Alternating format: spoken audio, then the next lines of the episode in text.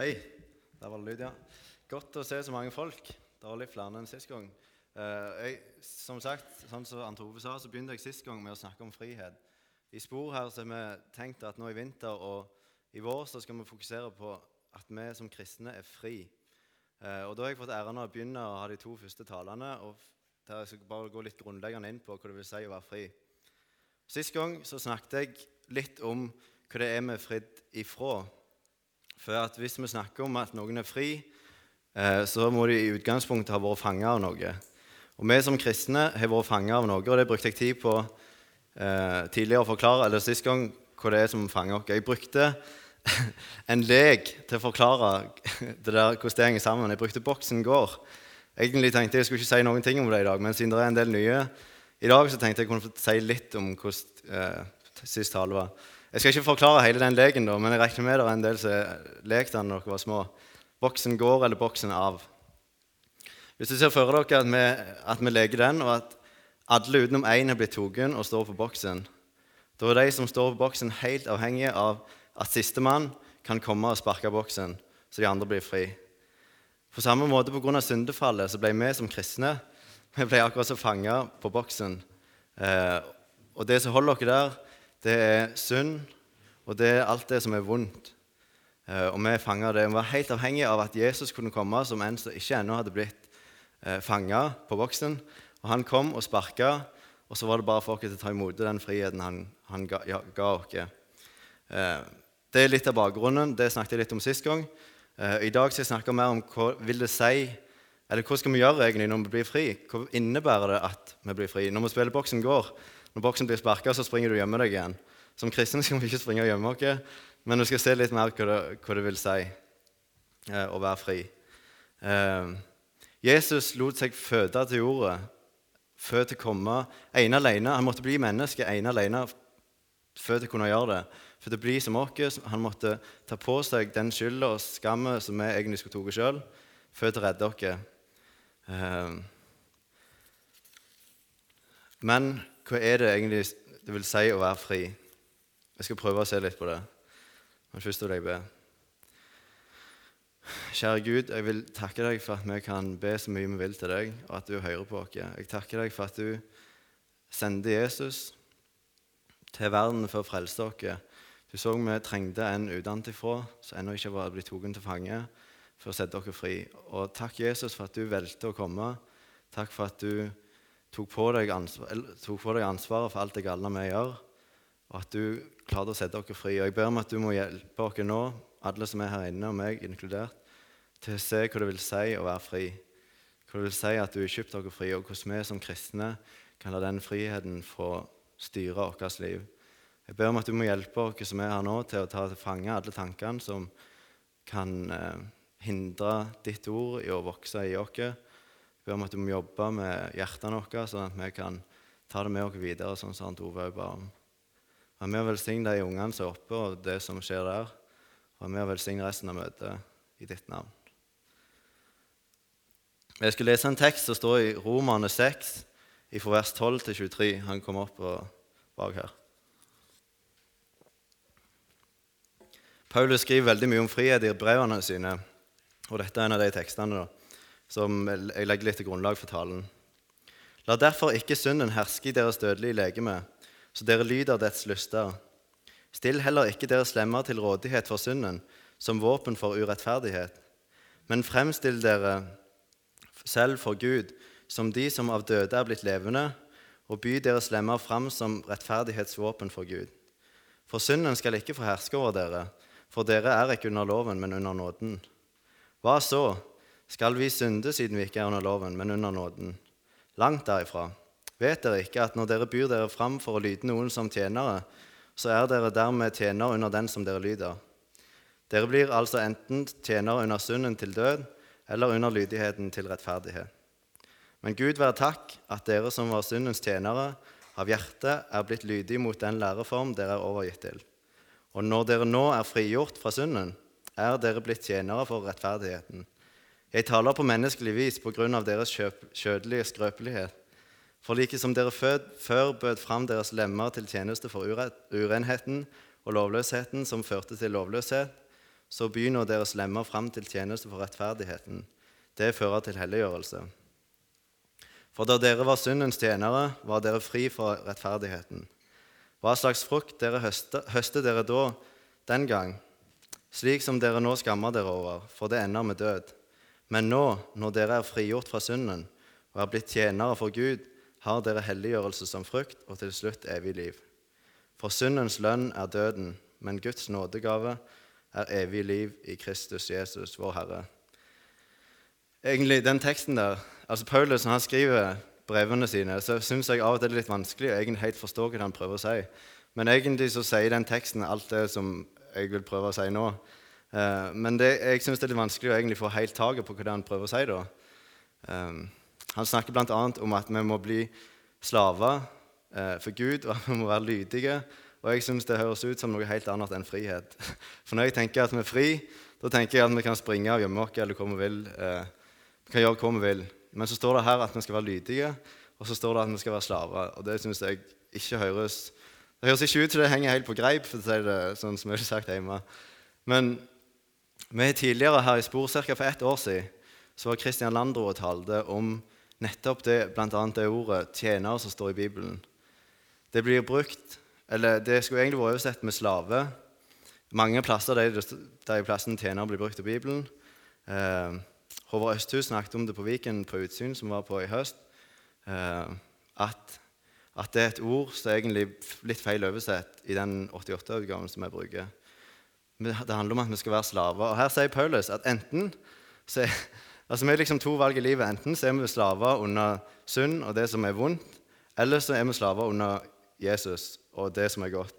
Og Jeg syns det høres veldig merkelig ut å se for seg at det er bare de to valgene vi har, og at ett av dem skal være frihet, og begge to inkluderer at vi er slaver.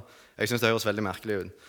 Men jeg skal prøve å eh, forklare litt hva jeg kom fram til når jeg sitter hva mer det står i Bibelen om dette. her da. Men så samtidig står det da at uansett hva vi velger å slave under, eller hva vi velger å ha som vår Herre, så vil vi få et Det vil vise seg i vårt liv, og òg i neste liv, altså ikke altså når vi kommer til himmelen eller helvete, så vil det vise seg på frukten av, av valget vårt. Hvis vi er vel til vonde, eh, så har vi ikke velsignelse, og det fører til et liv i helvete. Eller så fører, hvis vi velger Jesus, så får vi et liv i himmelen. I Romerne 1, vers 9 og 10 så står det Ehm, nei, Romerne 2, vers 9 og 10. Trengsel og angst skal komme over hver menneskesjel som gjør det onde, både jøde først og så greker. Men herlighet og ære og fred skal være den få som gjør det gode, både jøde først og så greker. Her står det altså at hvis vi velger det gode, uansett hvem som velger det, det er ingen begrensninger på det, så skal herlighet og ære og fred fylle oss. Så det høres ut som en veldig god deal. Men jeg vet at vi som kristne vi er veldig dårlige til egentlig å holde oss til å velge Jesus hele veien. Vi vil mange ganger heller styre sjøl, og så er vi på vei tilbake igjen til boksen. Han er kommet til å sette dere fri og vil gi dere et liv med han. Og så, vi, så tror vi at vi er mye bedre til å fikse ting sjøl. Og det er vi ikke. um, hvis vi leser Gamletestamentet, så kan vi se at det er så utrolig mange mennesker før oss som har gått i akkurat samme fedlene. Spesielt kongene Eh, som var og regjerte i Israel og Juda når det ble delt, de var vanvittig dårlige på å stole på Gud. Du kan se, jeg tror Det er nesten, det er gjerne bare tredje hver til konge som stolte på Gud. Resten styrte seg sjøl, og det gikk dårlig med dem. Og Nå tenkte jeg at vi skulle bli kjent med en av kongene som var konge i Juda. Altså, etter Salomo, eh, etter Salomo var konge, så ble Israel delt i to altså Nordriket og Sørriket. ene var Israel, andre var Juda. Og Davids tippoldebarn Dette har jeg sittet og funnet ut. altså. Ganske spennende. Men hans tippoldebarn han het altså Asa. Og han skulle overta Juda. Han skulle være, bli konge i Juda. Og så står det om Asa at han var en mann som frykta Gud. Han stolte på Gud. Det står i, i andre krønikebok 14 fra 1 til 4. Abia, det var altså faren til Asa, la seg til hvile hos sine fedre og ble begravet i Davids dal. Og hans sønn Asa ble konge etter ham. Og hans hadde, i hans dager hadde landet ro i ti år. Asa gjorde det som var godt og rett i Herrens, hans Guds øyne. Han fikk bort altrene og offerhaugene for de fremmede guder. Han brøt i stykker støttene og hogg ned Astarte-bildene. En gud. Han befalte Juda å søke Herren, fedrenes Gud, og holde loven og budene. Han hadde altså bestemt seg for at ok, jeg stoler på Gud, og det skal hele Juda òg gjøre. Så gikk han skikkelig inn for det, og pga. det så var det fred og ro i landet. står det. Altså, det førte velsignelse med å holde seg til Gud. Og så Etiopia. Det var et land som eksisterte da òg. De bestemte seg for at vi vil gå til angrep på Juda. Så de kom marsjerende opp. De hadde en hær på Det står i Bibelen 1000 ganger 1000 mennesker. Hvis jeg klarer å regne riktig, så skal det være en million. Altså det var en million soldater som kom marsjerende opp mot Juda for å innta landet. Og så begynte Asa å klø seg i hodet og tenke hva gjør jeg nå? For han hadde bare 600 000. Så altså Etioperne hadde 400 000 flere folk. Det er like mange som bor i Rogaland, cirka, hvis vi kutter vekk 50 000. Men det er ganske mange mennesker. 400 eh, 000 mangla han for å være like mange som etioperne. Men så det vi så, at Asa han var en mann som stolte på Gud. Så han gjorde det som han burde gjøre, og det som vi burde gjøre hvis vi kom i en sånn situasjon. Han gikk til Gud, og så sa han, Herre, for deg er det ingen forskjell, enten du hjelper den mektige eller den maktesløse. Hjelp oss, Herre vår Gud. Til deg setter vi vår lit, og i ditt navn er vi gått ut mot denne store mengden. Herre, du er vår Gud. La ikke et menneske stå seg mot deg.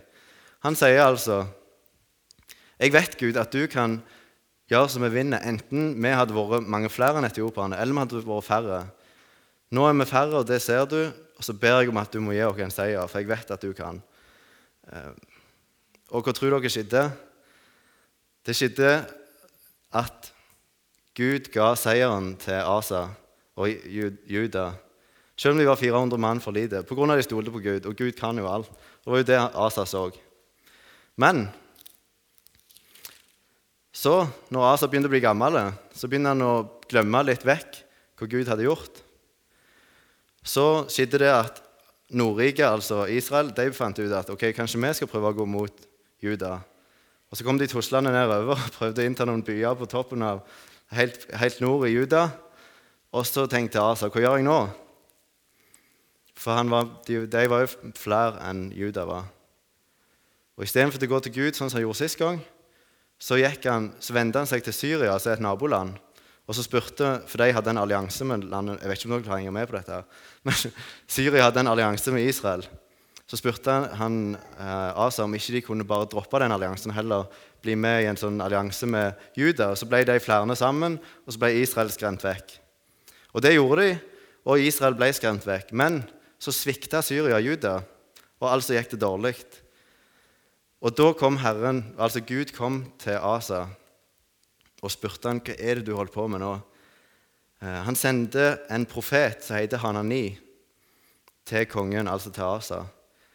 Og så sier han til ham, fordi du satte din lit til kongen i Syria og ikke til Herren din Gud, derfor har Syria-kongens hær sluppet ut av hendene på deg. Var ikke etiopierne og libyerne en stor hær med stridsvogner og hestfolk i stor mengde. Men fordi du den gang satte din lit til Herren, gav ham dem i din hånd.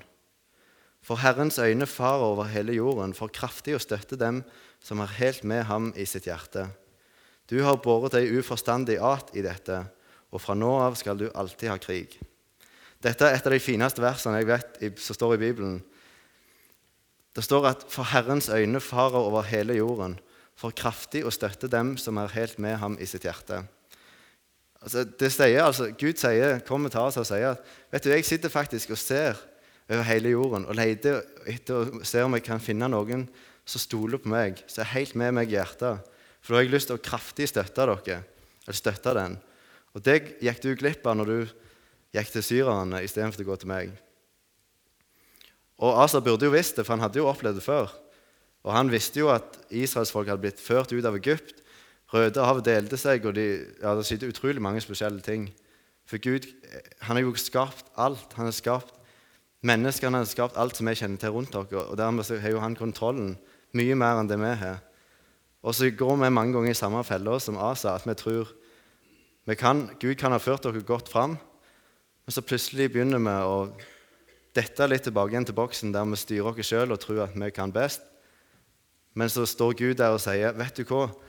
Jeg, jeg sitter faktisk og ser om det er noen som er helt med meg i hjertet, og som våger å stole på meg, for da har jeg lyst til å kraftig støtte dere med alt som jeg er. Og Gud er allmektig, så han kan alt. um, ja. Så det som altså vi må gjøre Vi må stole på Gud. Og tro, det handler om å stole og ha tillit til. Vi må ha tillit til at Gud kan, og Gud vil det beste for oss. Og Her kommer vi altså tilbake til det som jeg skal snakke om i dag. At, og det å være fri Når Jesus sparket i boksen, så ble vi fri. Og den friheten vi må gjøre, det, som vi, gjør, det som vi må gjøre når han sparker boksen, er at ikke vi, vi må ikke springe og gjemme oss, men vi skal rett og slett springe og knytte oss fast til Jesus. og igjen, jeg synes dette høres veldig merkelig ut, for det høres ikke ut som frihet å knytte seg fast til noe. Hvis jeg hadde tatt et par av dere og bundet dere fast til talerstolen her, eller til flyet eller et eller annet sånt, med lenke eller hva det måtte være, så hadde ikke dere nødvendigvis følt dere veldig fri. Sannsynligvis. Um, med mindre dere var sykt sterke og klarte å rive dere løs. Se for dere et par stykker stående her helt fastknytta til flygelet. Det er ikke frihet, men altså vår frihet er helt avhengig av at vi er knytta til Jesus. Og så har jeg prøvd å sitte og tenke på hvordan kan jeg hvordan kan vi egentlig forstå dette? her? Hvordan kan det være frihet? Hvordan kan det være en god ting å være knytta til Jesus? Og Jeg er litt sånn at jeg liker å ha ting i bilder for at klare å forstå det. da. Um, litt sånn som i boksen går, da klarer jeg å forstå det. Og så har jeg stått og klødd meg litt i hodet, og så plutselig kom jeg på en historie. jeg er litt glad i historie òg, altså. Um, men vi kom altså fra en gård. Vi driver med sauer. Jeg er veldig glad i sauer. og vi hadde en sau som ble blind. Det er en sykdom som gjør Det er en sykdom som gjør at du får litt sånn at blir, øynene blir helt blå, så ser ikke sauen. Det, det, ja, det er ikke så bra, altså. Og det kan lammene òg få. Eh, men dette var en sau som hadde fått det. Og lammet, han hadde et lam, eh, og det, var, det hadde ikke fått sykdommen. Men det er jo litt dumt å være en sau som ikke ser. Når du skal gå ut og spise, og så skal du inn, og så kommer det en stein, og så går du på steinen. Det må jo være litt smell. Eh, så sauen var rett og slett fanga i sin egen blindhet. Og så skulle han ta seg av et lam i tillegg. Men det som skjedde, at redningen på hele greia var far som hadde stått og sett på dette. Det var at når sauen skulle flytte seg, så, så kom lammet gående bort. Og så stilte det seg rett framfor sauen. Og så skutta litt inntil sånn at sauen merka at lammet var der. Og så la sauen hodet sitt oppå skulderen, eller oppå ryggen til lammet. Og så gikk lammet først, og sauen etterpå i sånn merkelig tog bortover. Men det som var litt tøft, da, var at lammet sine øyne Sauen brukte lammet sine øyne, og sånn kom de seg videre. Enten det var inn, eller det var en ny plass å spise, eller det var de skulle ha vann. eller hvor de skulle. På samme måte er det med oss. Pga. syndefallet så er vi litt forblinda. Vi har fått en sånn sykdom som gjør at vi egentlig ikke helt ser tydelig hva som er best for oss. Men Jesus han er på en måte det lammet som kommer og går framfor oss og ser og vet veien for oss. han vet best, for vi er forblinda. Og det vi må gjøre da, er at vi bare hekter oss på Jesus, og så fører han oss fram der som han vet er best. Enten det er en, en plass vi kan finne gress, eller det er vann, eller vi skal inn for det er kaldt ute. Sånn en måte tror jeg vi må se litt på med friheten. Sauen er helt Han er i fengsel på en måte når han er, står der og er forblinda. Han vet ikke hvor han skal gå hen. For plutselig kan han gå rett på vannet, eller han kan gå på en stein. eller hva han skal.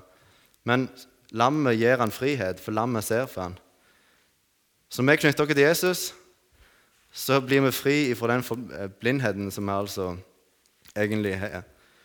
Det er den beste måten jeg klarte å forklare hva egentlig det vil si at, vi, at det er en god ting å være knytta til Jesus, og at det er frihet. Vi klarer å se igjen eh, sånn som vi egentlig var tenkt til å gjøre. For med en gang vi prøver å gå sjøl, det kan vi bare se for oss sauen. Hvis den finner ut at nei, lammet, altså, det var ikke så kult å gå og ha hodet på lammet her, jeg prøver heller å gå sjøl, så er du rett ut og går igjen. Og for oss blir det det samme hvis vi velger å ikke følge Jesus.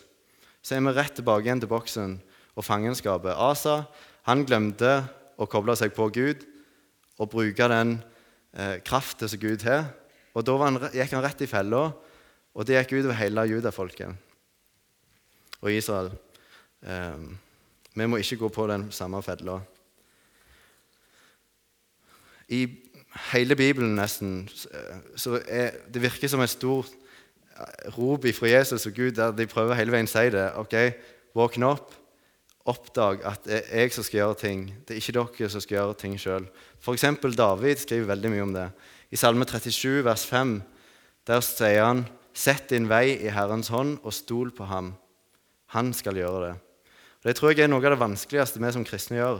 Det er å faktisk stole på Gud. Jeg kan stå og si dette her, og dere kan tenke at ja, det der er helt sant. Og så sier vi det og tenker det og kan snakke og bli veldig enige om at ja, det er helt sant. Vi er så sinnssykt dårlige til å stole på Gud. Og så blir det liksom ikke noe vi gjør noe med. Men vi må våge å faktisk få det ned i hjertet, ut i hendene og stole på Gud. Um, Johannes evangelium kapittel 17 der er det en litt spesiell ting som står, så jeg ikke oppdaget så veldig før nå når jeg satt og jobbet med dette her. Det er et helt kapittel der vi ser et, der vi ser Jesus snakke til Gud, eller ber til Gud. Da får vi på en måte litt innblikk i hvordan det fungerer med Gud og Jesus og Den hellige ånd. Hvordan de kan snakke til hverandre. Og Det som hele, den, hele det kapittel 17 der handler om, er at Jesus ber til Gud for oss mennesker, eller for vi som er kristne. Han ber på sine kne, eller han skikkelig sånn trygler Gud om at det må gå oss godt, vi som er kristne. Han snakker om at alt mitt er ditt, altså alt som Jesus sitt, er Gud sitt. Og det som er Gud sitt, er Jesus sitt. Og Gud og Jesus er ett. Det er litt vanskelig å forstå, for de er to, men de er jo ett. Og så, så sier han at, så ber jeg om at det må bli sånn at, at de andre, de som ikke er kristne på jorda, de ser at de kristne og meg, altså Jesus, er ett på samme måte som du og meg er ett, sier han til Gud. For kun da kan de som ikke er kristne, få et innblikk i Guds kjærlighet. Jeg vet ikke om det var litt vanskelig forklart, men jeg skal prøve å lese det som står, litt som står her. Det er altså Jesus som sier dette til Gud, eller ber Gud om dette. Like som du har utsendt meg til verden, har også jeg utsendt dem til verden.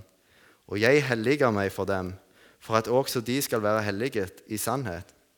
Jeg ber ikke bare for disse, men også for dem som, har, som ved deres ord kommer til tro på meg, at de alle må være ett, like som du, far, i meg og jeg i deg, at også de må være ett i oss, for at verden skal tro at du har utsendt meg.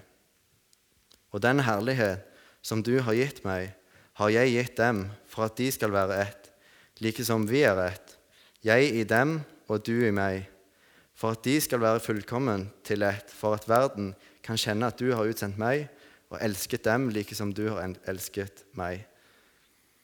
Vi er altså kalt til å være sitt, Jesus sitt legeme på jorden nå. Han for opp og ga oss sin Hellige Ånd for at vi skal kunne være, gjøre den samme gjerningen som han gjorde på jorda. Vi kan ikke frelse. Jesus var den eneste som kunne komme og sparke boksen. Men, og det kan ikke vi gjøre. Men vi kan gå rundt og vise til andre folk og den kjærligheten som Jesus har til oss. Vi kan fortelle at det eneste folk trenger å gjøre eh, for til å ta del i det evige livet i himmelen, og for til å ta del i den godheten som Jesus representerer, det er bare å ta imot det og tro det. Jeg må si det en gang til, for jeg syns det er så utrolig godt bilde det, når du står på boksen. Og hvis, hvis du kommer springende og spenner den, og folk blir bare stående og se på deg dumt, og ikke fatter at de må springe Det vil jo se ganske dumt ut. Og Hvis du ser for deg alle menneskene som har levd opp gjennom tida Jeg vet ikke hvor mange det er, men si det er en 10 milliarder, f.eks. Så for deg 10 milliarder står samla på en boks. Så kommer Jesus springende der og sparker boksen. Og så står 90 igjen og bare ser dumt. Og så er det en hel gjeng som springer av sted, men resten står bare og ser dumt på han. Det må føles utrolig dumt for han. Og Vi må fortelle folk at vet du, det eneste du trenger å gjøre, er å bare ta imot det og, og så springe. Det du skal gjøre, er å springe og hekte deg på Jesus han vil deg bare vel. Han har skapt deg. Han, lyst, han hadde lyst til at du skulle leve, og derfor skapte han og kom på akkurat deg. Og Han vet det beste for deg, mye bedre enn du sjøl, for er, du er blind, han kan se. Hekt deg på, og så kommer du der som er best for deg. Det må vi fortelle, og det eneste måten vi kan fortelle det på, Det er med å, å en, kjenne enda mer hvem Jesus er, og hva han vil med vårt liv, og hva han har å tilby oss. Det er å holde oss til hans ord, og til å bruke tid på Bibelen. Eh, og tid i bønn. Eh, det er en som har sagt det, at det vanskeligste som du kan gjøre som en kristen, det er, eller en av de vanskeligste tingene, det er å overgi seg til Gud hver dag. Og det må jeg egentlig si meg litt enig i. Og jeg tror det er en ting vi godt kan utfordre dere på i uka som kommer nå. At vi hver dag, hver morgen, og gjerne flere ganger enn det, eh, sier til Gud at OK, i dag så har jeg lyst å hekte meg på deg. Jeg innser at jeg ikke kan se godt sjøl, for jeg er litt forblinda. Du kan se. Du vet det beste for meg, for du har skapt meg. Og jeg overgir meg nå til deg. Og Hvis vi klarer å få det som en sånn overskrift over livet vårt, så tror jeg det er mye lettere å gå der som Jesus vil vi skal gå, i møte med andre mennesker, eh, i møte med jobb, i møte med fritid, uansett hva vi gjør. Og spørsmålet 'Hva vil Jesus gjort?' Det tror jeg òg er en god ting å stille seg. Eller, og så I tillegg så kan vi stille oss spørsmålet 'Hva kan Jesus gjøre?' Asa kunne spurt seg det spørsmålet den siste gangen han gikk på smellen og ikke spurte Gud. Hvis han hadde spurt hva, Jesus, hva kan Jesus gjøre, eller hva kan Gud gjøre her, så tror jeg ikke det hadde vært vanskelig for han å bare gå til Gud og spurt om hjelp istedenfor å spørre syrerne. For syrerne kunne bare delvis hjelpe, men Gud kan alt. Ja. Det er egentlig det jeg hadde å si i dag.